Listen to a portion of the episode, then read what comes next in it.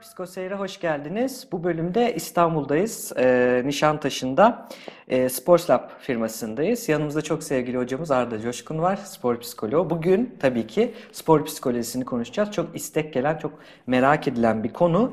Ee, hocam öncelikle hoş bulduk mu diyelim biz size Evet, geldik ben, şimdi. ben hoş geldim diyeyim size. Evet hocam. Şimdi bugün spor psikolojisini konuşacağız ama ben biraz sizi tanıtmakla başlayayım e, arkadaşlar isterseniz. E, Arda hocamız 2006 yılında İstanbul e, Bilgi Üniversitesi'nin psikoloji bölümünden mezun oluyor. Daha sonra hangisi önce hocam? Spor yöneticiliği mi önce? Ee, önce Marmara Spor Yöneticiliği ama biraz şey, e, komplike orası. İlk dönemde dersleri aldım, daha sonra dondurdum orayı. Ee, İngiltere'ye gittim, orada spor psikolojisi master'ını bitirdim. Sonra Türkiye'ye döndüm. Ha, arada bir Tezi verdim. evet. Evet, arada o İngiltere macerası arada Aynen. oldu.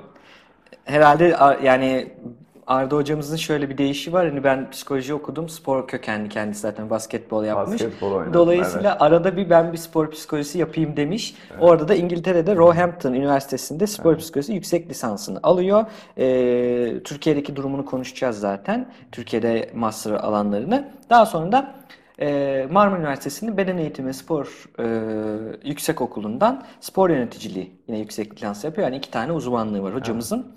Onun dışında birçok spor kulübünde mesela Kasımpaşa Spor Kulübü'nde iki sezon boyunca A takımına e, psikolojik destek veya psikolojisiyle e, uğraşmış. Şimdi de bu sezonda futbol akademisinde e, çalışıyor hocamız. Fenerbahçe'nin yine Yelken Şubesi'nde spor psikologluğu yapmış. Ee, Türkiye Basketbol Federasyonu'nun bu çok güzel bir proje. Fan Against Violence e, Avrupa Birliği projesine e, danışmanlık yapmış. Onun dışında da hocamız e, 2013 yılında Lig Radyo'da e, Önce Zihinde Kazan isimli bir radyo programı e, düzenliyor. Ondan sonra da İstanbul Bilgi Üniversitesi'nde bugün günümüzde spor psikolojisi dersi veriyor. Önümüzdeki dönemlerde de haberini aldık. İstanbul Aydın Üniversitesi ve yine İstanbul Acıbadem Üniversitesi'nde spor psikolojisi, psikoloji bölümünde bu dersi verecek.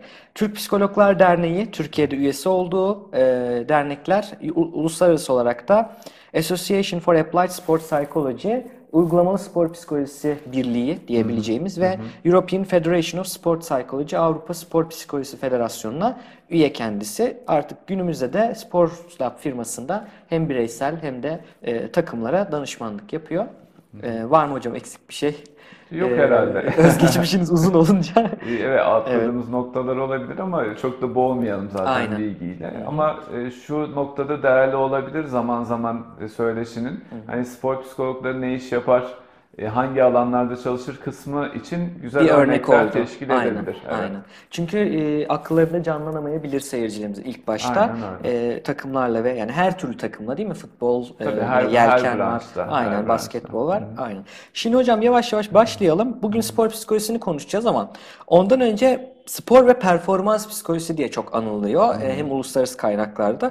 O yüzden ikisini de bir tanımlayıp farkından bahsederek başlayabiliriz. Tabii. Aslında spor psikolojisi yurt dışındaki tanımı spor ve egzersiz psikolojisi olarak geçer.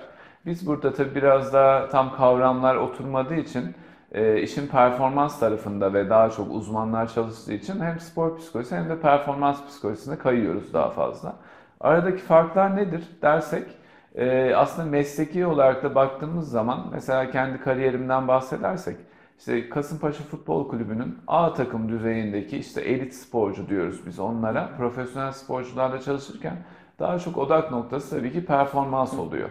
Yani bu performanstan kasıt nedir? Ee, tabii ki teknik taktik çalışma değildir. Bunun zihinsel olarak e, puzzle'ın bir parçası gibi eksik noktaların doldurulması. Bu e, konuda altının çizilmesi gereken önemli bir e, nokta da var. Spor psikolojisinde genel e, manada bakarsak biz e, hastalarla veya anormal insanlarla çalışmıyoruz. Normal üstü insanlarla çalışıyoruz ve performanslarını arttırmaya yönelik çalışıyoruz. İşin bir kısmı bu. Performans psikolojisi buradan da geliyor biraz Aynen. literatüre. Orada hemen şunu e, söyleyerek araya gireyim. E, psikoloji ve psikiyatri farkını biz daha önce işledik animasyonlarımızda da, videolarımızda da ama yine burada da bir daha belirtelim. Psikoloji bir bilim dalı, e, psikiyatri de tıbba, tıp bilimine ait bir alt alan. Aynen. Ama psikiyatri doğası gereği gene anormal e, bireylerle çalışıyor. Ama psikoloji, klinik psikoloji dışında anormal birey bireylerle çalışması e, çok her zaman gerekli değil. Aynen mesela burada örneğini verdiğimiz gibi spor psikolojisinde biz normal bireylerle çalışıyoruz. Hastalarla çalışmıyoruz. Tam tersine dediğiniz gibi zaten hani e, A takımında oynayan elit sporcu olan ama onların performansını da arttırmıyor. Burada puzzle dedik o da çok önemli. Yani zaten fiziksel sağlığı yerinde olacak, psikolojik sağlığı yerinde olacak birçok elementin bir parçası olarak da bizde performansını biraz arttırmada, performans arttırmada e, kelime olarak şu da geliyor ama orada performansını zaten tüm potansiyelini o kişinin engelleyen engelleri kaldırmak değil mi birazcık spor psikolojisi? Biraz öyle.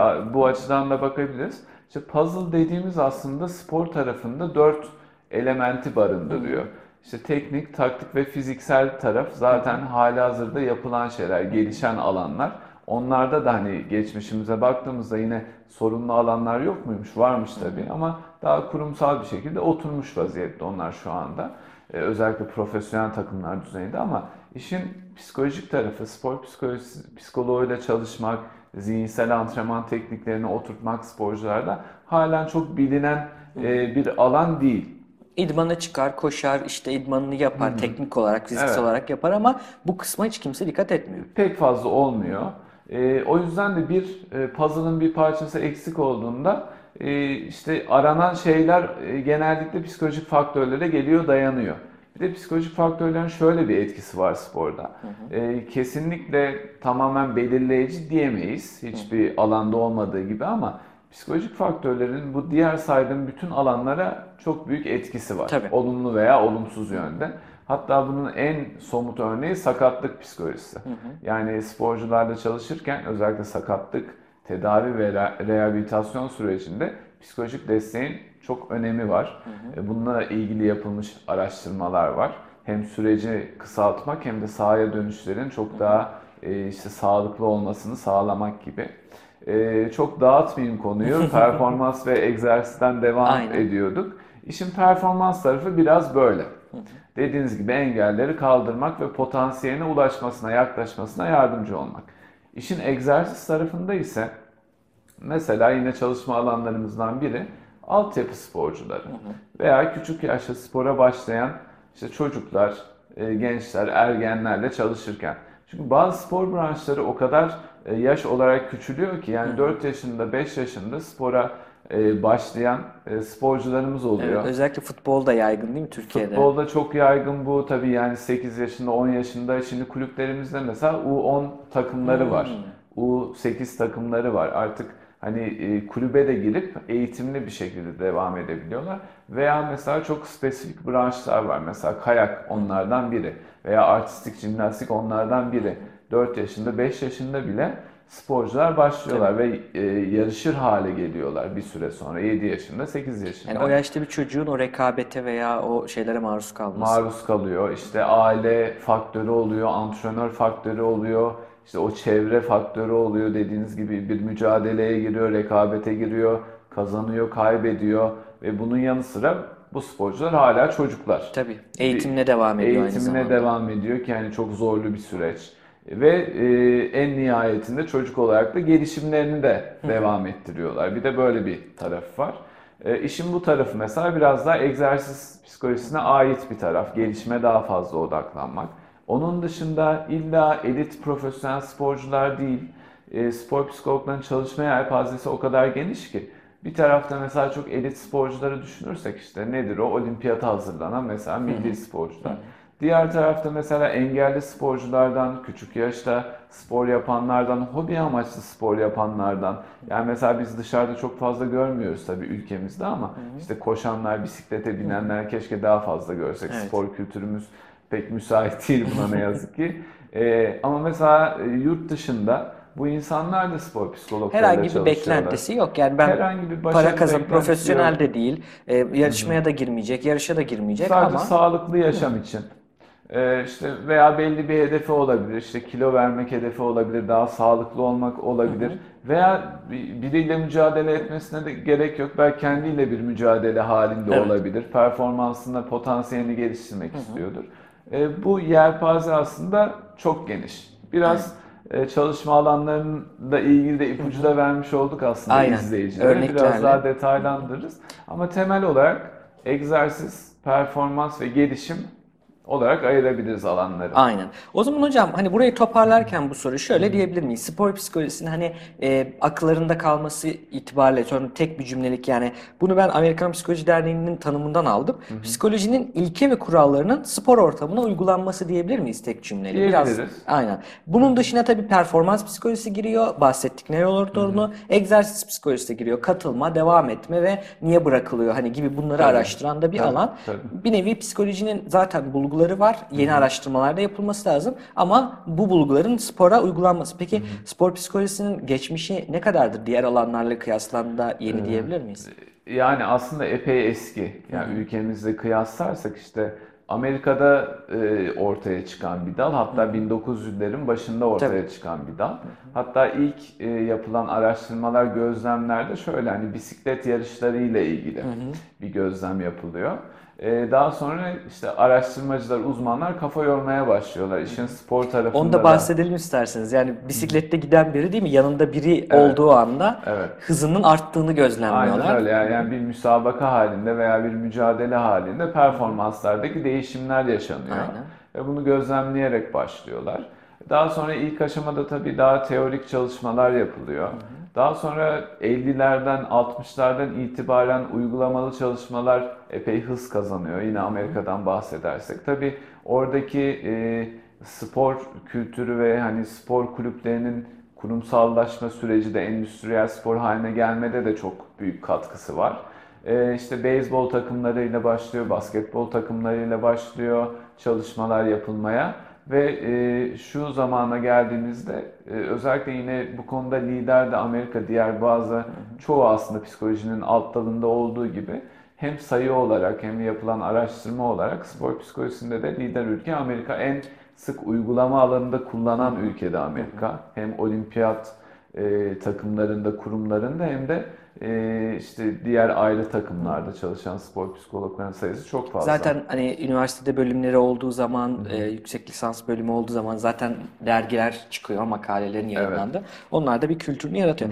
Peki hocam, o zaman biraz bahsettik aslında ama şöyle bir soru soracağım. Spor psikolojisi e, neden gerekli? Olmazsa ne olur? Yani e, biraz aslında sorunun gittiği yeri siz de fark ettiniz. Yani aslında Türkiye'deki e, ne bu yani? Niye böyle bir takımlara niye bir spor psikoloğu alalım? Hani mesela belki izleyenlerimiz arasında kendisi spor yapan veya bir takımla bağı olan olabilir. Çünkü görüyoruz mesela Kasımpaşa'da var, Fenerbahçe, Galatasaray büyük takımlarda var, kulüplerde var. Ama e, bazı takımlar hiç akıllarına gelmemiş bile olabilir. Neden gerekli onu söyleyelim. Aslında şöyle gerekli. Ben kendi hayatımdan bir örnek vereyim. Eğitimlerimde de bunu kullanıyorum. Çok çarpıcı bir örnek oluyor. Ee, Ben kendi hayatımda basketbol oynayarak başladım. Ee, Ufak yaşlardan demin bahsettiğimiz işte 8 yaşında 9 yaşında başladım. Daha sonra ilerleyen zamanlarda bir kulüp yapısı içine girdim. Bir antrenman düzeni içine girdim. Yani hobi amacından biraz daha performansa doğru yöneldim. E, o sırada kendi içimde yaşadığım bazı zorluklar, engellerle karşılaştığımı fark ettim. Tabii ilk zamanlarda bunun nedeninin ne olduğu, zihinsel faktörler olup olmadığı çok bilinçli olmadığım için aklıma gelmiyordu. Ama en e, kolayından şu örneği verebilirim. Mesela antrenman performansında maç performansım arasında büyük bir fark vardı. Siz maçlardan önce çok kaygı yaşıyordum. Performans kaygısı Değerlendirme yaşıyordum. kaygısı da var. Yani bir sonuçta bir maçtayız, bir şey devam Aynen ediyor. öyle. E, Değerlendirme kaygısı var. İşte e, antrenörüme karşı, diğer takım arkadaşlarıma karşı bazı sorumluluklarım var. Ki takım sporu yapmama rağmen. Şimdi mesela çalışma alanlarından biri de bireysel tabii ki sporlar. Çok daha yük fazla. E, yani ilk benim bu mesleğe başlangıç şeyim, noktam, başlangıç noktam kendi için, e, işin içinden çıkamadığım şeyler oldu. E, Daha sonra bu benim spordan e, kopmama kadar ilerleyen bir süreç oldu. E, Daha sonra ülkemizin gerçi eğitim spor arasında bir seçim yapmak zorunda kaldım. Yani işin özünde aslında kendi yaşadığım deneyimler vardı. E, olmayınca ne oluyor? Spor psikoloğu olmayınca demin konuştuğumuz konuya biraz yine değinelim. Bir sporcunun ister elit seviyede olsun, en üst seviyede olsun, isterse spora yeni başlıyor olsun bir potansiyeli oluyor. E, buna ulaşmasını işte sağlamaya çalışıyoruz biz. Çünkü mesela çok başarılı bir sporcu gözükebiliyor dışarıdan. Kendi hedeflerini e, yerine getirmiş gözükebiliyor ama potansiyeli belki çok daha fazla. Onun farkında bile değil gelebileceği yerlerin, başarıların. E, o noktada işte devreye girip e, işte potansiyelini gerçekleştirmesi için yardımcı olmak veya işte yine çok önemli değindiğimiz noktalardan biri spordan ayrılışlar. Özellikle işte ergenlik döneminde veya işte üniversite e, döneminde eğitim sistemimizin e, karmaşıklığı nedeniyle bu alanlarda, bu yaşlarda spordan ayrılışlar, kopuşlar çok yaşanıyor. Onların önüne geçebilmek. Niye ayrılıyorlar? Bir kere o var. Yani hangi Niye faktörler etkiliyor ki? Etkiliyor. Bir de benim siz konuşurken aklıma şu geldi. Ee, şimdi hep bu şeyden konuşuyoruz. Potansiyelimizin farkına varmak. Gerçekten bu önemli tabii ki. Mesela şöyle bir şey düşünebiliriz. Bir takımda bir antrenör tarafından ya da bir yönetici tarafından konuşalım. Takımda oyuncular var, paralar harcanıyor, bütün imkanlar öne seriliyor ve işte bir bir şeyler bekleniyor. Ee, şimdi hadi beklenmesin. Hani çok başarı odaklı olmayalım. Sporcu da mutlu olamaz zaten iyi bir performans vermediğinde. Ama bu potansiyel var ama bunun farkında değiller yani gizli bir şekilde. Ee, bunun ortaya çıkarılması da var. Bu tarafı var tamam. Ama bir de şu da var. Hani sporcunun e, sporda ne yaptığının psikolojisi diyebiliriz. Ama bir de sporun o sporcuya ne yaptığı. Yani spor yaparken ne hissediyor? İşte sizin dediğiniz gibi e, işin içinden çıkama, çıkalamayan süreçler oluyor. Ve buna baktığımız zaman aslında kulüplerde bu çok e, bizim ilk defa ortaya attığımız bir şey değil. Var ama ismi farklı. Mesela kulüplerde de prim e, çok fazla var. Teşvik primi m- meseleleri var. Ta- maçtan sonra işte şeyler var. Veya olmayınca da işte mesela meşhurdur işte antrenörün e, soyunma odasında azarlaması Evet, gibi falan. evet, hani evet. bunlar aslında var. Bunların hepsi davranışı veya performansı yönetme üzerine. O sürede sporcuya da bir şey oluyor. Yani sporcuların da karşılaştığı bazı sorunlar da olabiliyor. Bu noktada çok önemli bir yere geldik bence. Çoğunlukla bu uygulamalar, yapılan uygulamalar el yordamıyla ve kriz anlarında yapılıyor. Evet, Bu mecbur kalındığında, aynen. Bahsettiğimiz mecburiyetten nasıl oluyor mesela? İşte e, 3-0 yenik takım, işte futbol örneği veriyorsak so- soyunma odasına geldi. Antrenör herkesi fırçaladı, bir şeyler oldu. Sonra takım çıktı, 3-3 yaptı gibi örnekler. Çok hani böyle efsanevi örnekler veya işte en çok kullanılan prim sistemi. Önemli bir maç öncesi işte e, sporcuların motivasyonunu arttırmak için ki motivasyon kelimesi de hani o kadar fazla anlamı dışında kullanılan bir Evet. şey ki terim ki ülkemizde her konuda hani e, Gaz vermekle aynı gaz şey. vermek bir de hani spor psikolojisi deyince mesela e, çok farkındalığı olmayan veya konuya hakim olmayan birine aa tamam hocam motive ediyorsunuz değil mi? Oluyor. İlk cümle bununla geçiyor. E, ama dediğiniz gibi işte o kriz anlarından çıkamıyorduk biz. E, o da şeyi pekiştiriyor. Ya spor psikoloji zaten içinde psikolog geçiyor. Herhalde ben hani bende bir sorun var. Hatta Evet. işte sporcular çoğunlukla karşılaştım. Hocam ben deli değilim gibi yaklaşımları olabiliyor. Ama işte siz o kriz anında sadece gözüküyorsanız kulüpte veya herhangi bir yerde e, o algıyı kıramıyorsunuz. Evet. Çünkü hani bir olay oluyor, bir işte kriz anı var, olumsuz durum var. İşte dışarıdan biri gelmiş toparlayacak. Ara gidecek. bulucu gibi yani hani gel bu sorunu çöz. Çöz deniyor. gibi. Hı hı. E, ama o adam işten normal giderken ortada yoksa işte biz açıklayamıyoruz alanı. Evet. Alanın aslında e, sadece sorunlarla ilgilenmediğini, e, tabii ki sorunlarla ilgileniyoruz, çözüm üretiyoruz ama işler normal giderken de daha iyi nasıl olabilir? Ya da izleme belki kötüye gidiş varsa da önceden teşhis önceden, etme gibi önceden sürekli. teşhis etme, önlem alma. Aynen öyle. Çünkü hani çalışmalar hem bireysel oluyor hem takım halinde de oluyor. Mesela takım bütünlüğüyle ilgili de çalışıyoruz. Dediğiniz gibi o analizi yapma, önerilerde bulunma, teknik heyete ve yönetime bunlar da işimizin birer parçası. Belki de orada şey oluyor hocam. Yine sözünüzü kestim. Ee, yani kriz anında psikoloğa mecbur kalınıyor. Hadi gel yap ne yapıyorsan çöz deniyor ama e, normal anda da psikolog belki yapmak istiyor bu dediğiniz önlemeleri, programları. Ama orada ona biraz izin verilmiyor belki de kulüplerde ya da Bazen imkan de oluyor. verilmiyor. Yani Aynen. e, tabii spor çok farklı bir alan. Yani hani şimdi işte psikoloji kökenli insanlarız hepimiz. Belli işte hani düşündüğümüz en ağırlıklı hangi dal var? Klinik dal var. Eğitim çoğunlukla klinik üstünden de ilerler. Türkiye'de. Hani belli işte standartlarımız vardır işte değil mi? Görüşme standartlarımız işte sandalyenin açısına kadar Evet. işte dakikaya kadar. Spor ortamı biraz değişik bir Evet. ortam Aynen. bu açıdan. O yüzden Sahanın kenarında konuşuyor yani. Ne hani Aynen. sandalye kaldı ne bir şey kaldı. yani zaman zaman sahanın kenarında oluyorsunuz, zaman zaman soyunma odasında oluyorsunuz, zaman zaman antrenmanda sporcuyla koşarken buluyorsunuz kendinizi. Buradan şey anlamı çıkmasın tabii ki. Etik kurallarımız, standartlarımız her zaman belli ve baki. Ama, sporun doğasına uygun mecburen. Ama sporun doğasına uygun bazı uygulamalarda bazı esneklikler sağlamamız gerekiyor. Mesela bu alanlardan biri de işte o. Takım içinde çalışırken farklı dinamikler var. İşte teknik direktör var, yönetim var, işte oyuncular var. Eğer profesyonel bir takımsa menajerleri var. E, burası içinde, bu sistem içerisinde işte sağlıklı bir biçimde yol almak önemli olan. E, işte dediğimiz gibi zaman zaman işte klinik ortamdan çıkıp aslında çoğunlukla e, işte dışarıda olabiliyorsunuz, işte sahanın içerisinde olabiliyorsunuz, destek olmaya çalışıyorsunuz var olan zamanlarda. E, bu bence hem zor tarafı ama hem de eğlenceli tarafı. Yani benim bu alanı seçme nedenim buydu zaten. Aynen. Oradan hemen şeye geçelim. Tam söylediğiniz yerden spor psikologları nerelerde çalışabilir? Gerçi sizin özgeçmişinizden bahsederken biraz bahsettik ama güzel örnekleri de olabilir Türkiye'de. Hani biraz eleştirdik alanın e, çok yaygın olmamasını ama belki de gerçekten e, çoğu takımda beklemediğimiz yerlerde de belli işlerin arkasında psikologların olduğunu Tabii söyleyebiliriz. bilmediğimiz, haberdar olmadığımız Evet. sorunlar da olabilir. Şöyle diyebiliriz hani biraz daha akademik gidersek bu noktada üç tane temel e, görev tanımı var aslında spor psikologlarının. Birincisi araştırmacı spor psikologları. E, ikincisi eğitmen, üçüncüsü de uygulamalı, uygulamacı daha doğrusu. Şimdi e, kendi kariyer planınıza göre üçünü de yapıyor olabilirsiniz veya birinde uzmanlaşmış veya o yolda ilerliyor olabilirsiniz. Bu biraz bu çatı üstünden konuşursak daha belki e, akılda Güzel kalıcı olur. olabilir.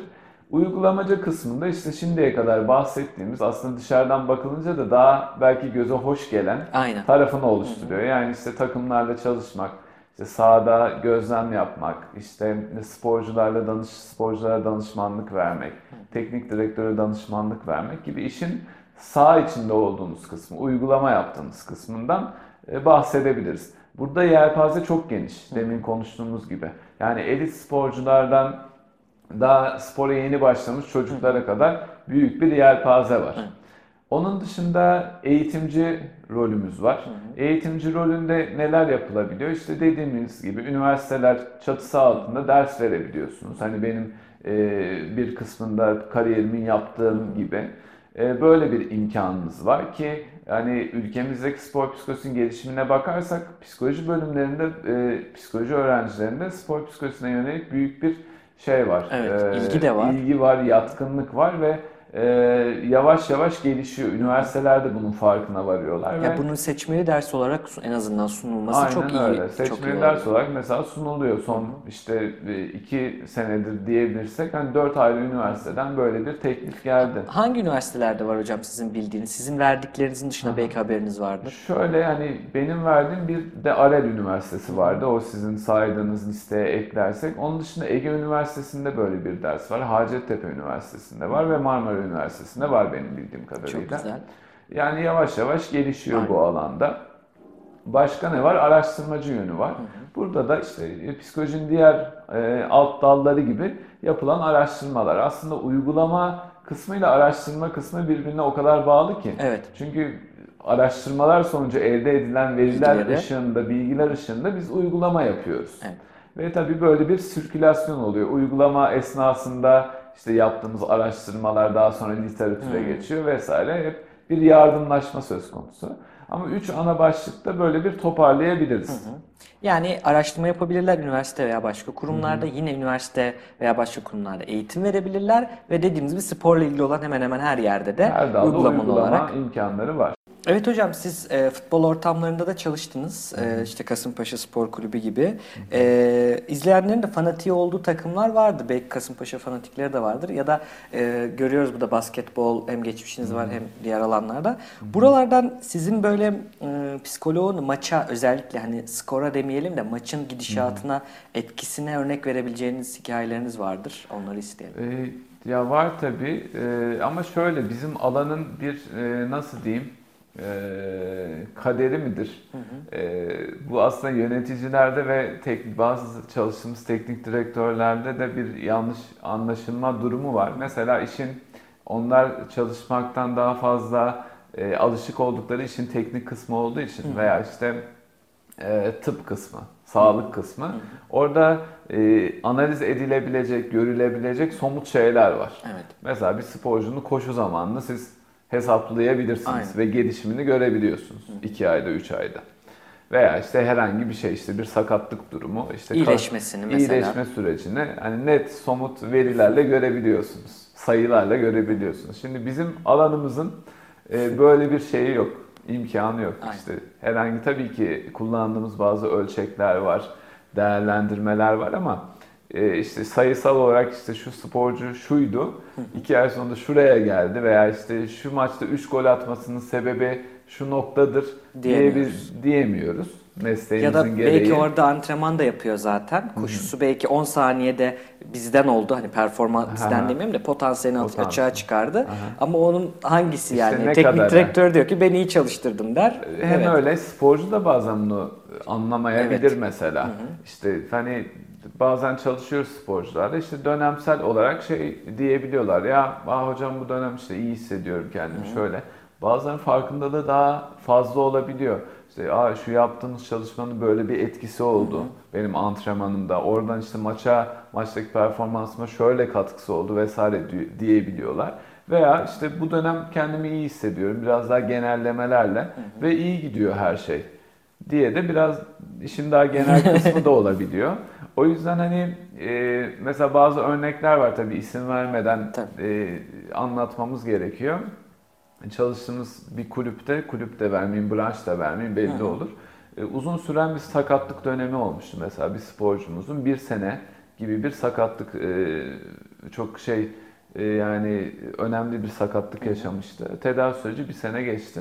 Belli aralıklarla düzenli olarak biz mesela şeyler yaptık. Psikolojik destek verdim kendisine. Ondan sonra hani döndüğü ilk şeyde müsabakada çok güzel bir performans gösterdi. İlk şeydi müsabakasıydı. Ee, hem sonuç anlamında e, güzel şeyler verdi hem de işte kendi memnuniyeti, performansıyla ilgili memnuniyeti açısından güzel gelişmeler Kendine güveni oldu. de artmıştır. Hani sakatlıktan çıktım ve Ay- Aynen öyle. Çünkü en aslında kritik dönem orası. Sakatlıktan çıktıktan sonraki hem antrenman ya bir daha programı hem olursa hani ya bir daha bir sene daha Tabii. böyle olursam. kaygılar çok fazla. İşte performansa dair kaygı fazla. Bir sene önce ben işte çok iyiydim. İşte üstünden Şimdi, bir sene evet. geçti. O süre zarfında ben işte acı çektim. Ee, işte yataklardaydım, geri kaldı. antrenmandan geri kaldım. Belki işte takım arkadaşı aynı pozisyondaki harika bir sezon geçirdi mesela. Bu da kaygı verebilir. Ee, öyle bir şeyimiz var, anımız var. Üst seviyeler, üst seviyeden bahsediyorum sporculardan. Onun dışında şöyle güzel anılar oluyor. Ee, mesela işte spordan kopmayı düşünen, işte çocuklar veya ergenlerle çalışıyoruz mesela. Ee, işte en şey son dönemeçte oluyorlar mesela geldiklerinde buraya aileyle beraber hani tamamen ben bıraktım ve başarılı olanlar da oluyor iç, iç içerlerinde. Ee, sonra mesela işte şey oluyor bu tabii ki zorlama değil de burada hani bazen Bırakma değil de tabii ya ailelerin tabii şöyle bir e, geliş nedeni oluyor. İşte e, hocam döndürelim bu çocuğu. Kariyeri spora. var zaten. Kariyeri var bu yakmasın. kadar emek verdik döndürelim. Tabii biz o noktada aileyi de bilin- bilinçlendiriyoruz. Hani öyle bir e, mekanizma içerisinde bırak veya bırakmadan ziyade işte bir ayna tutma. İşte çocuk e, sporcu ne istiyor, neler var, hayalinde neler var, engeller var mı, o yüzden mi bırakıyor yoksa tamamen artık motivasyonunu mu kaybetti yaptığı sporla ilgili. E, dediğim gibi böyle örnekler oldu yaşadığımız. Hani daha sonrasında dönen spora ve başarılı olan ve daha sonrasında işte çok mutlu hisseden kendini Bırakmanın eşiğinden tekrar şey yap. dönen. Peki hocam genelde ne oluyor? Ee, hani çok şu sebeple çok karşılaşıyoruz bırakmakta dediğiniz bir sebep var mı? E, Valla çoğunlukla şöyle oluyor. Bir e, performansla ilgili kaygılar oluyor.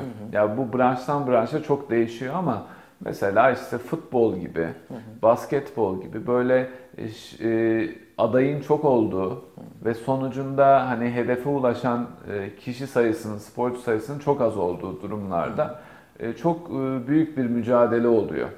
O süre zarfında işte yıpranmalar hem duygusal olarak hem işte fiziksel olarak yıpranmalar bunda etkili olabiliyor. Uzun süreli sakatlıklar yine aynı Soğutuyor şekilde. tabii yapmadığı zaman ya da geri dönebilecek. O dönem veya işte üst üste gelen sakatlıklar olabiliyor. Ee, çocuklardan yine bahsediyoruz ki ayrılmalar genellikle o yaşlarda oluyor. Çocuk ergenlerde oluyor. İşte ergenlik dönemine ait zaten hali hazırda olan bazı şeyler. işte yaşanılan işte fırtınaların etkisi oluyor.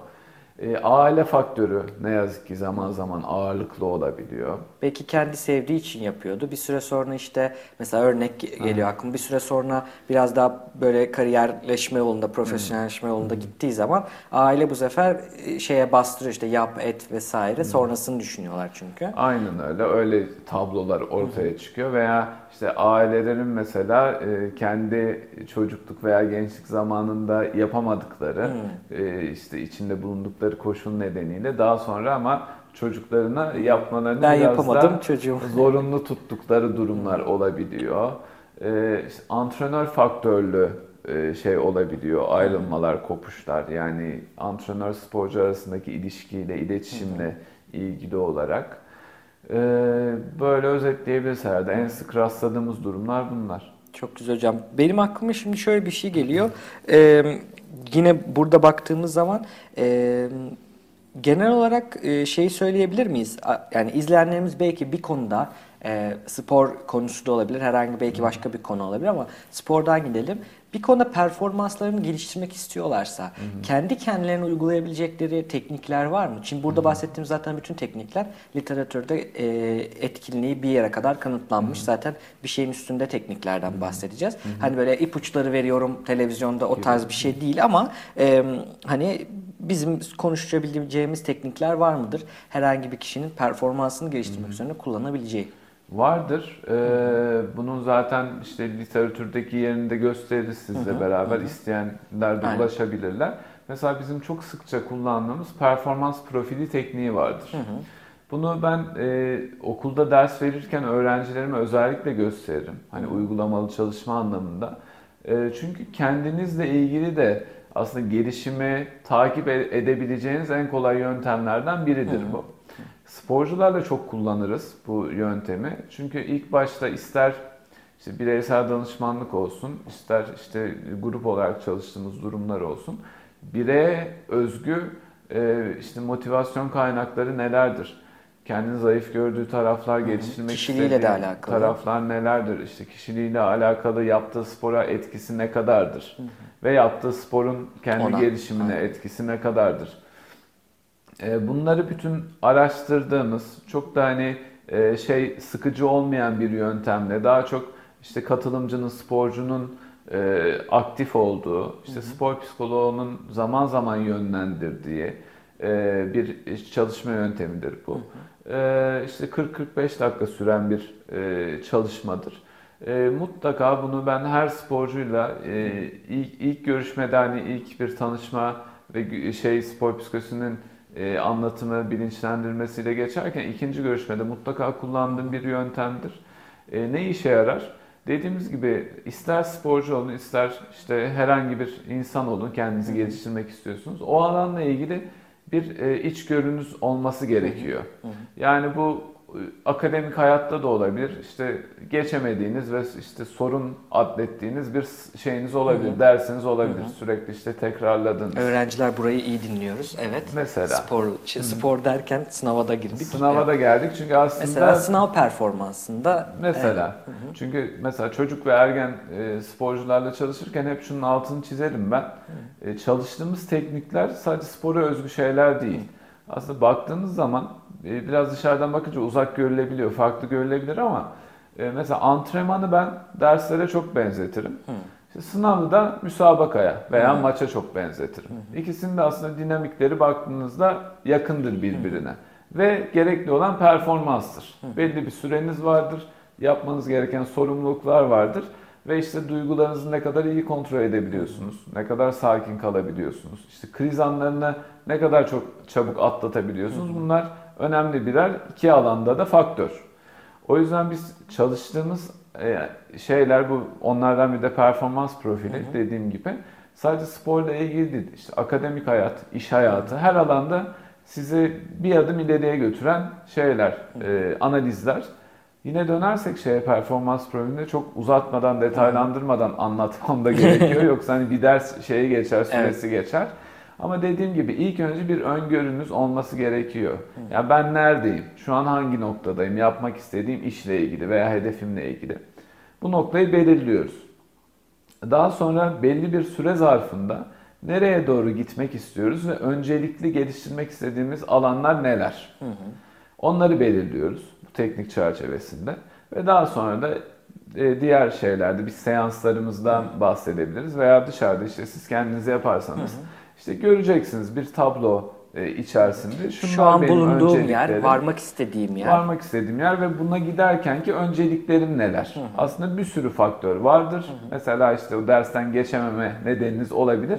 Ama içlerinden bazıları öncelikli olarak değiştirdiğinizde büyük etkileri olabilecek faktörler. Mesela çalışmak, konuya çalışmak. Mesela veya işte şeyler. günlük işte ders çalışma o şeyle ilgili saatinizi arttırmak. Belki bir 10 dakika arttırmanın büyük bir Büyük bir etkisi etkisi. olabilecektir. Veya çalışma biçiminizi değiştirmek veya çalışma ortamınızı değiştirmek Aynen. gibi faktörler olabilir. Ee, önceliklerin belirlenmesi ve biraz daha sistematik çerçeveli bir bakış açısı sağlamak. Çünkü hepimiz öğrencilik zamanından geçtik. İşte belli sınavlarımız oldu. Son dakika çalıştığımız, sabah biraz erken kalkayım, bir bakayım dediğimiz durumlar oldu çok. Belki onu yaparak da pe- sınavdaki performansımızdan da kısıyoruz değil mi? Yani Aynen konuya öyle. bakacağım derken uykusuz kalıp belki sınavda var olan bilgiyi yani onu örnek güzel olabilir. Var olan potansiyel bilgi burada ama onu hatırlamak için gereken enerji olmadığı için gitmiş oluyor belki de. Aynen öyle. Bir de şu örneği veririm mesela ben sıkça. Sporcularda da performanstan konuşuyorsak öğrencilik hayatında da hazırlık hissi çok büyük bir öne- öneme sahiptir bence. Yine işte öğrencilik zamanımıza hatırlayalım. İşte hazır olduğumuz, hani düzenli çalıştığımız bir sınava nasıl gireriz? Kendimize Hani daha emin, daha Emin rahat. gireriz, güvenli gireriz. Herhangi ilk soruda mesela kaygı verici bir şey olsa bile mesela işte kaçmıştır gözümüzden, çalışmadığımız bir yerden gelmiştir veya anlamamışızdır. Ona yaklaşımımız farklı olur kendimize güvendiğimiz için. Ya onunla çok uğraşmayayım, devam edeyim sonra dönerim filan deriz belki. Tabii farazi örnekler veriyoruz Aynen. ama anlaşılabilir olsun. Ama tam tersi hazır hissetmediğimiz, son dakikada işte çalışmaya başladığımız, biraz da şans eseri gireyim de ne olursa olsun diyerek girdiğimiz aynı sınav olsa ve ilk soruda böyle bir şeyle karşılaşsak ne olur? Orada büyük bir kriz Kaygı. anı yaşarız, büyük bir kaygı anı yaşarız. Belki dediğiniz gibi belki ikinci, üçüncü soru bildiğimiz veya hatırlay- hatırlayabileceğimiz alanlardan geliyor ama o kaygıyla baş etmek o kadar büyük bir enerjimizi alan noktaya gelebilir ki onu görmeyebiliriz. Veya işte orada kelimeyi işte ters okuyabiliriz. Diğerlerinde yolunu kapatıyor Yolunu yani zaten kapatabiliriz. O, o noktada performans da buna çok benziyor. Hazırlık hissi çok önemli sporcunun. Yani müsabakaya çıkmadan önce işte fiziksel olarak hazır mıyım ben? Birincisi. İşte teknik olarak hazır mıyım? İşte taktik bilgim o müsabakayla ilgili tam mı şu an? Kendi görevimi biliyor muyum? Ve zihinsel olarak buna hazır mıyım? Bütün bu üçünü e, idame ettirecek halde miyim şu an? Hazırlık hissi çok önemli. Burada bütüncül bakmak daha iyi değil mi hocam? Yani bir Aynen tanesi öyle. ben çok iyi çalıştım demek değil. Çok iyi çalıştık ama o anda e, şey örneği olabilir. Mesela bu büyük sınavlara girmeden önce veya yine okul sınavı da olabilir. Oradan gidiyoruz. E, çok garip bir şey gelirse başınıza, moral bozucu bir şey gelirse sınavın da çok kötü geçtiğini biliyoruz. Yani geçeceğini Evet. biliyoruz genelde. Niye? O bilgi var akılda bir ayağı tamam ama diğer iki ayak olmadığı için devriliyor. Yani psikolojik tarafı olmadığı için işte dikkat tarafı olmadığı için devriliyor. Yoksa konuyu çok iyi biliyor. Hani zaten hep şey denir ya dışarıda sorsa hani e, bilirim ama sorular bilmediğim yani. Hani belki hakikaten sorular öyle ama bizi de hazır değildik ya da biz de e, zihnimiz hazır değildi de olmadı da olabilir. Evet. Aynen öyle. Mesela şu örnek de vardır sporda. Mesela zihinsel olarak harika sporcu. Çok iyi hazırlandı. Ama işte fiziksel olarak bir O şeyi da var mesela. İşte sakatlığı var veya sakatlık demesek bile formunun zirvesinde değil. E bu da eksik bir taraf vardır çünkü zihinsel olarak mesela karar verebiliyor. Tam doğru karar veriyor, hızlı karar verebiliyor belki müsabaka içerisinde ama fiziği onu götürmüyor. Evet. Gideyim Yani- diyor ama yetişemiyor E, koşmaya gideyim mesela. diyor mesela koşamıyor veya işte zihninden geçiyor doğrusu ama onu yapacak işte çevikliği veya o anda sürati yok sporcunun. E, o yüzden dediğimiz gibi bütüncül yaklaşım çok önemli. Yani puzzle'ın parçaları gibi işte masanın ayakları gibi dört ayağın da bu spor konusunda özellikle hepsinin üst düzeyde olduğunda hani potansiyele geldiğimiz veya en çok yaklaştığımız durumlar oluyor. Aynı şekilde bence hani eğitim kısmı veya kariyer kısmında da böyle, iş hayatında da böyle. Şöyle diyebilir miyiz o zaman bunun üstüne? Hani e, Şimdi önce zihinde kazan programımızda da o da değil ama şöyle bir şey de denir ya işte e, her şey kafada biter falan gibi. Aslında her şey kafada bitmiyor. O üç Bitmiyor, taneden bir tanesi ama o Aynen, bitmezse de yine olmuyor. Diğerleri yani etkileniyor. aynen. Evet. O yüzden yani şöyle bir şey de var, yatkınlık da vardır. Mesela spor psikoloğuna biraz işte şey gibi bakma, sihirbaz gibi bakma durumu da oluyor. Mesela spor tarafında bu diğer alanlarda Son çok dakikada bir mucize bekleme yani. Aynen öyle veya işte mesela devre arasında girip bir şey söylenmesi. Biraz bunu tabii filmler de şey yapıyor, Evet. pompalıyor. Hollywood filmleri de vardır yani sporla ilgili. Bazıları çok güzel mesajlar içeriyor. Hani eğitimde kullandığımız filmler de var ama bazıları böyle çok sığ bilgiler içinde olduğu için mesela işte girip işte bir cümle veya işte bir paragraf bir konuşma yapılıp her şeyin bir anda değiştiği durumlar.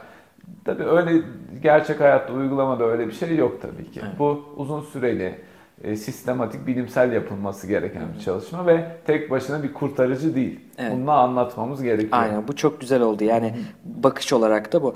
Peki hocam buradan şeye geçebiliriz yani belki biraz Sports Lab firmasından bahsedebiliriz. Onunla bahsederken de spor psikolojisinin Türkiye'deki konumu yani genel olarak konuştuk ama hani mesela bu bile çok önemli yani spor psikolojisi bu müsabakanın ya da sporun e, işte dayandığı ayaklardan biri fizik, teknik ve işte sağlık diyelim bir tanesine bir tanesi de zihinsel sağlık ya da psikoloji. Böyle de görmek çok önemli. Belki böyle görüldüğü zaman zaten e, son dakika mucizesi olmadığı da otomatik olarak ortaya çıkıyor ama e, Türkiye'deki yerinden biraz bahsedebilir miyiz? O, Tabii. onu anlatırken de firmadan da bahsedelim. Tamam. E, Türkiye'de tabii biz daha emekliyoruz. Yani yurt dışına baktığımızda veya Amerika'ya baktığımız zaman, karşılaştığımız zaman biz emekleme aşamasındayız daha.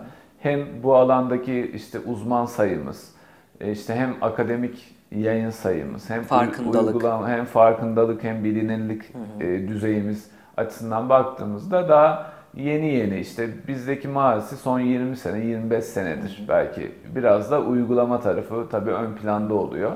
Ee, Daha çok bireysel çabalarla ilerlemiş bir alan. İşte bunda tabii herhangi bir yüksek lisans programının olmamasının büyük bir e, şeyi var. E, handikapı var alanımızla ilgili. E, Yeni işte bu sene açılmış olan Marmara Üniversitesi'nde bir yüksek lisans programı var spor psikolojisiyle ilgili ama ondan önce hiçbir program yoktu. O yüzden e, bu alanda ilerlemek isteyen insanların da tabii her zaman kafasında bir soru işareti olarak kaldı.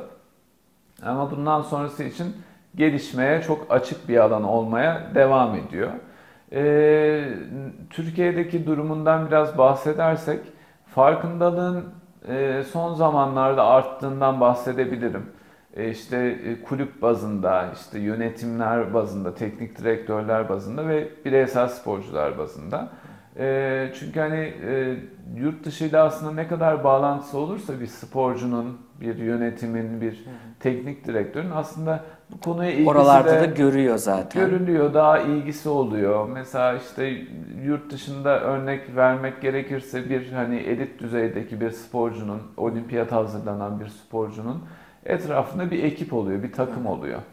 E, Bunun içerisinde beslenme uzmanı da oluyor, spor psikoloğu da oluyor, işte pazarlama uzmanı da oluyor, işte sponsorluklarıyla uğraşan biri oluyor. Ve Teknik ant- kendi teknik antrenörü, aynen. antrenörü oluyor, işte kondisyoneri oluyor gibi. Bu tabii sporcunun işte başarısına, branşına göre değişiyor. İşte Messi'nin işte belki 100 kişi var etrafında. Ee, olimpiyata katılan böyle çok bizde bilinirli olmayan bir dalın mesela 10 kişi var. Ama var öyle bir ekip. E, bu temas sağlandıkça bu model gözüküyor. E, yurt dışındaki sistemler gözüküyor. Bugün konuşuyorduk bir meslektaşımla. Mesela işte yurt dışında olan, Almanya'da olan işte Bayern Münih mesela büyük bir örnek futbol endüstrisi açısından ve sistemi açısından. Mesela kulüp bünyesinde 60 tane spor psikoloğunun çalıştığı bilgisini verdi. Hani şaşırmadım, şaşırtıcı gelmedi bana. Benzer bir şekilde Barcelona'nın altyapısında yine çok fazla sayıda spor psikoloğu çalışıyor. Yani e, biraz şimdi bizim uygulamalara dönersek aslında Sports Lab'i kurma amacımız o. E, iki meslektaşımla beraber kurduk. Onlardan da çok kısa bahsedeyim. E, Burak Otyakmaz, e, kendisi de bu alanda çalışmalar yapan bir uzmanımız. Özellikle sporda çocuk koruma konusunda bir uzmanlığı var. Genç yaşta spor yapanların belki çocukların hem etkilenmesi konuştuk. Aynen Onlar öyle. olabilir. Aslında hem yasal süreçlere de gir- giriyor bu. İşte antrenör, sporcu ilişkisi, aile ilişkisi. O da aslında apayrı bir program konusu. Belki değinmek de istersiniz sonra. Çok Ee, diğer bir ortağımız Beren Kayrak. Kendisi eski bir milli yüzücü, rekorları olan bir yüzücü. Ee, Amerika'da hem klinik psikoloji hem spor psikolojisi master'ı yapmış bir uzmanımız. Ee, beraber güçlerimizi birleştirelim. O biraz önce bahsettiğim bu alanın bireysel ilerleme, hani bireysel olarak bir şeyler yapma çabasını e, biraz daha kurumsal hale getirelim. Bunun getirileri neler oluyor? İşte e, so, röportaj önce sizle de sohbette bahsettik. Mesela burada öğrencilerimiz var bizim. İşte staj yapma imkanları sunabiliyoruz onlara. İşte bizle beraber süpervizyon alma imkanları olabiliyor. İşin akademik tarafında e, yardımcı oluyoruz. Biz onlara yol gösterebiliyoruz. Yani sadece hani ekip olarak amacımız tabii ki ticari kaygılarımız herkesin olduğu kadar var. Ee, ama özünde bu işin doğru nasıl yapılacağını göstermek, spor psikolojisi nedir, spor psikoloğu kimdir bunu anlatabilmek herkese ve e, bunu kanıtladıktan sonra da uygulamalı özellikle ve akademik alanda arkamızdan gelen insanlara da yardımcı olmaya çalışmak. Temel hedeflerimiz bunlar. Ne kadar güzel. Ee, yani bu bizi de çok sevindiriyor açıkçası çünkü e, dediğiniz gibi hani bireysel giden bir alan. Bunun hem bir arada yapılması hem öğrencilere imkanlar sağlanması. Hemen oradan şunu söyleyeyim. Bizi izleyen psikoloji öğrencileri de oluyor diğer izleyicilerimiz kadar. Onlar için şöyle bir soru sorayım. Hatta iki soru birlikte. Bir tanesi e, bir spor psikoloğu olmak istiyorlarsa izlemeleri gereken hangi yolu tavsiye edersiniz? Günümüz şartları yani 2016'da çekiyoruz bu programı. O şartlar için konuşalım. Bir de stajlar e, imkanları veriyoruz dediniz. Bu imkanlarla ilgili e, neler bekliyorsunuz? Yani staj yapacak e, öğrencilerden neler bekliyorsunuz? Biz zaten sizin iletişim adreslerinizi videonun açıklama bölümünde vereceğiz. Aynı zamanda bahsettiğimiz tekniklerin, bilgilerin akademik referansını da yine açıklamada bulacaksınız. Oralardan siz iletişime geçsinler ama geçmeden önce dediğim gibi neler bekliyorsunuz Tamam. stajyerden? Öncelikle bu çok sorulan bir soru. Yani spor psikoloğu kimdir, nasıl olunabilir gibi. Çünkü hani alan biraz şey olduğu için şu an tanınır olmadığı için herkes merak ediyor. Ben şöyle öneriyorum. Aslında bu konuda hala bir kavram karmaşası var ülkemizde. Neden var? Ee, yurt dışında bu aşılmış. Ee, ama her ülkenin kendine ait bazı çözümleri var. İngiltere başka bir şey yapıyor, Amerika başka bir yol izliyor. Ama ben idealinden olabilecek ülkemiz şartlarında 2016'da idealinden bahsedeyim. Birincisi tabii ki psikoloji lisansı. Çok önemli. Bu niye önemli? Ee, bizim aldığımız ilk derslerde hatırlarsınız siz de birinci sınıfta işte daha fazla etik konular işlenir. Değil mi? Bir psikoloğun işte sınırları nedir, işte gizlilik esası nedir, yönlendirme esası nedir, kendi sınırları içerisinde çalışma nedir, sınırlarının aşıldığı yerlerde neler yapılır? Ya da araştırma dersleri yani bilimsel bakış. Veya bilimsel bakış aynen öyle. Araştırma nasıl araştırma yapılır? Ee, bunları alıyoruz biz. Bunların faydası ne oluyor? Alana çıktığımızda sporcularla çalışıyoruz biz yine. Tamam bu insanlar e, normal insanlar, normal üstü insanlar, sağlıklı insanlar ama yine insanla çalışıyoruz biz. Büyük bir sorumluluğumuz var. Yani orada işte söyleyeceğimiz bir sözün veya işte yaptığımız işte hatalı bir tekniğin belki de daha sonrasında e, ilerleyen yaşlarda bile etkisi olabilecek bizim alanımızın e, gerçeği bu. O yüzden de temelin çok sağlam olması gerekiyor. Bu noktaya önem veriyoruz. E, lisans programı bitirdikten sonra neler yapılabilir? E, benim öğrencilik zamanımda Türkiye'de herhangi bir master programı yoktu. Şimdi bahsettiğim gibi Marmara, Marmara Üniversitesi'nde var. Buraya bir başvuru yapabilirler veya yurt dışındaki e, birçok fazla seçenekten bir seçim yapabilirler. İşte bu konuda hangi ülkeler daha e, ön planda? Amerika ön planda, Kanada ön planda, İngiltere ön planda, Almanya ön planda özellikle spor çalışmalarında. E, araştırabilirler master programlarını. E, yurt dışını şu açıdan önerebilirim kendi deneyimimden. E, hem akademik olarak hem uygulamalı alanda çok fazla şey görüyorsunuz ama onun yanı sıra yurt dışında yaşama deneyimi, e, oradaki spor kültürünü görme deneyimi, oradaki uzmanlarla alışveriş yapma, bilgi alışverişi yapma deneyimi paha biçilemez.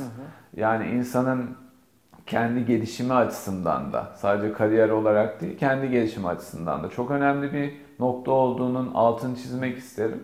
Tabii ki imkanlar e, dahilinde bu. Yurt dışı çok e, kolay bir şey değil. Tabii. Yurt dışına çıkıp eğitim almak. E, imkanlar dahilinde yapılabiliyorsa önerim odur. E, daha sonra tabii ki bitmiyor. E, uzman olduktan sonra da her psikoloji alanı olduğu gibi kendini sürekli olarak geliştirmesi gerekiyor insanın. E, hem akademik çalışmaları sürekli takip etmesi gerekiyor. Çünkü her alanda olduğu gibi teoriler değişiyor, uygulamalar değişiyor. Hiçbir şey işte 100 sene boyunca aynı Tabii. değil kalmıyor. Belki yaptığınız uygulamanın işte etkinliğiyle ilgili yeni çalışmalar Yeni yayınlanıyor. çalışmalar Birikiyor diyorsunuz ki çıkıyor. ha, bu demek ki artık değilmiş bunu bırakalım başka bir şeye geçelim. Aynen öyle veya siz katkıda bulunuyorsunuz. Evet. Dediğimiz gibi işte araştırmacı rolünüz varsa siz bile katkıda bulunabiliyorsunuz. Ee, dediğim gibi kendi gelişmeye devam etmesi gerekiyor. Onun dışında işte yabancı yayınları mutlaka takip etmesi gerekiyor. Yabancı işte yurt dışı içindeki ve dışındaki kongreler, seminerler bunlara mutlaka katılması Tabii burada gerekiyor. İngilizcenin önemi ortaya çıkıyor Önemi yayınları çıkıyor. takip etmek aynen, için. Aynen öyle. Ee, ve tabii ki süpervizyonlu bir uygulama aşamasından geçilmesi gerekiyor. İşte klinik alana benzer tarafında buradan bahsedebiliriz. Ee, hani böyle bir yol haritası çizebiliriz en temel basit halinde. Ee, onun dışında dediğiniz gibi staj imkanları neler sunabiliyoruz? Bu e, bireysel çalışırken tabii çok fazla bu imkanı sunamıyorduk ama şimdi bir ofis ortamında olmamız, bir işte kurumsal yapı içinde olmamızın avantajları oluyor. Örneğin burada işte bireysel danışmanlık da yapıyoruz işte sporcularla. Ee, o konuda bize yardımcı olabiliyor stajyer arkadaşlarımız, asistan arkadaşlarımız. Süpervizyon toplantılarımız oluyor düzenli olarak onlara katılabiliyorlar. Ee, işte vaka analizleri yapıyoruz. Onun dışında çalıştığımız kurumlarda zaman zaman bizle beraber gelip gözlem yapma şansları olabiliyor spor kulüplerinde. Bu alanı merak ediyorlarsa yani aslında hem bireyselini hem takımını çok güzel görmüş görme oluyor. şansları olabiliyor. Neler arıyoruz? Ee, şunları arıyoruz. Biraz kafasının net olmasını arıyoruz aslında. O yüzden de psikoloji son sınıf veya işte mezunlar veya işte üçüncü sınıf çok netse daha iyi olabiliyor. Ee, onun dışında spora ilgisinin olmasını çok önemsiyoruz. Mümkünse daha önceden yapmış olması belki empati açısından. Mümkünse eğer çok güzel olur. Ama tabii böyle olmazsa olmaz değildir Değil. ama en azından bir spora merak yani takip en azından işte televizyon başından bile bir takip olması e, güzel oluyor. E, onun dışında tabii ki hani istekli olması, kendini geliştirmeye yönelik e, arzusunun olması bizim için önemli bir faktör. E, Bunlar olduktan sonra da elimizden geldiği kadar tabii ki hani çok fazla da olabiliyor başvurular. Hani imkan dahilindeki arkadaşlarımıza düzenli olarak yardımcı olmaya çalışıyoruz. Hatta bunu biraz daha geliştirip Sports Akademi çatısı altında bu arkadaşlarımıza işte daha sistemli bir e, destek verme planımız var. Çok güzel. Onu da takipte kalsın izleyicilerimiz. Belki e, videoyu siz izlediğinizde başlamış da olur Belki. e, e, akademi. Evet hocam biz size çok teşekkür ediyoruz. Bizi ağırladınız, sorularımıza cevap verdiniz. Eklemek istediğiniz bir şey var mı onu söyle, sorayım önce. Ee, şöyle bir nokta var. Yine aslında öğrenci arkadaşlarımız çok ilgilendirecek bir şey. Bu konuda e, bir sertifika programı planımız var. Spor psikolojisi ile ilgili olarak. E, bunu Bilgi Üniversitesi ile ortak olarak planlıyoruz. E, hem uygulama yönü olacak hem gözlem yönü olacak bir program e, hazırlama aşamasındayız. Son aşamasındayız. Bunu da muhtemelen sizin e, video yayınlandığında netleşmiş olur. Hatta onunla ilgili Linkini bir veririz. linkini de veririz araştırmak isteyen öğrenci arkadaşlarımıza. Hani yakın bir tarihte öyle bir e, programda sunacağız. İyi spor psikolojisine ilgili olan öğrencilere. Çok iyi. Yani ilginiz varsa bir yerden başlamak istiyorsanız buradan başlayabilirsiniz. Daha sonra da staj imkanlarını kaçırmayın öğrenciler için. Ee, mezun olup da ne yapacağım hani ne yapayım diyenlere de belki istiyorsanız Marmara Üniversitesi'nde var yoksa da yurt dışına bakabilirler. Yüksek lisans Ee, ihtimalleri var. Aynen, Aynen öyle. bu şekilde diyelim. Çok teşekkür ediyoruz Ben hocam. teşekkür ederim. Evet. Bu bölümün sonuna geldik. Bir sonraki bölümde görüşmek üzere.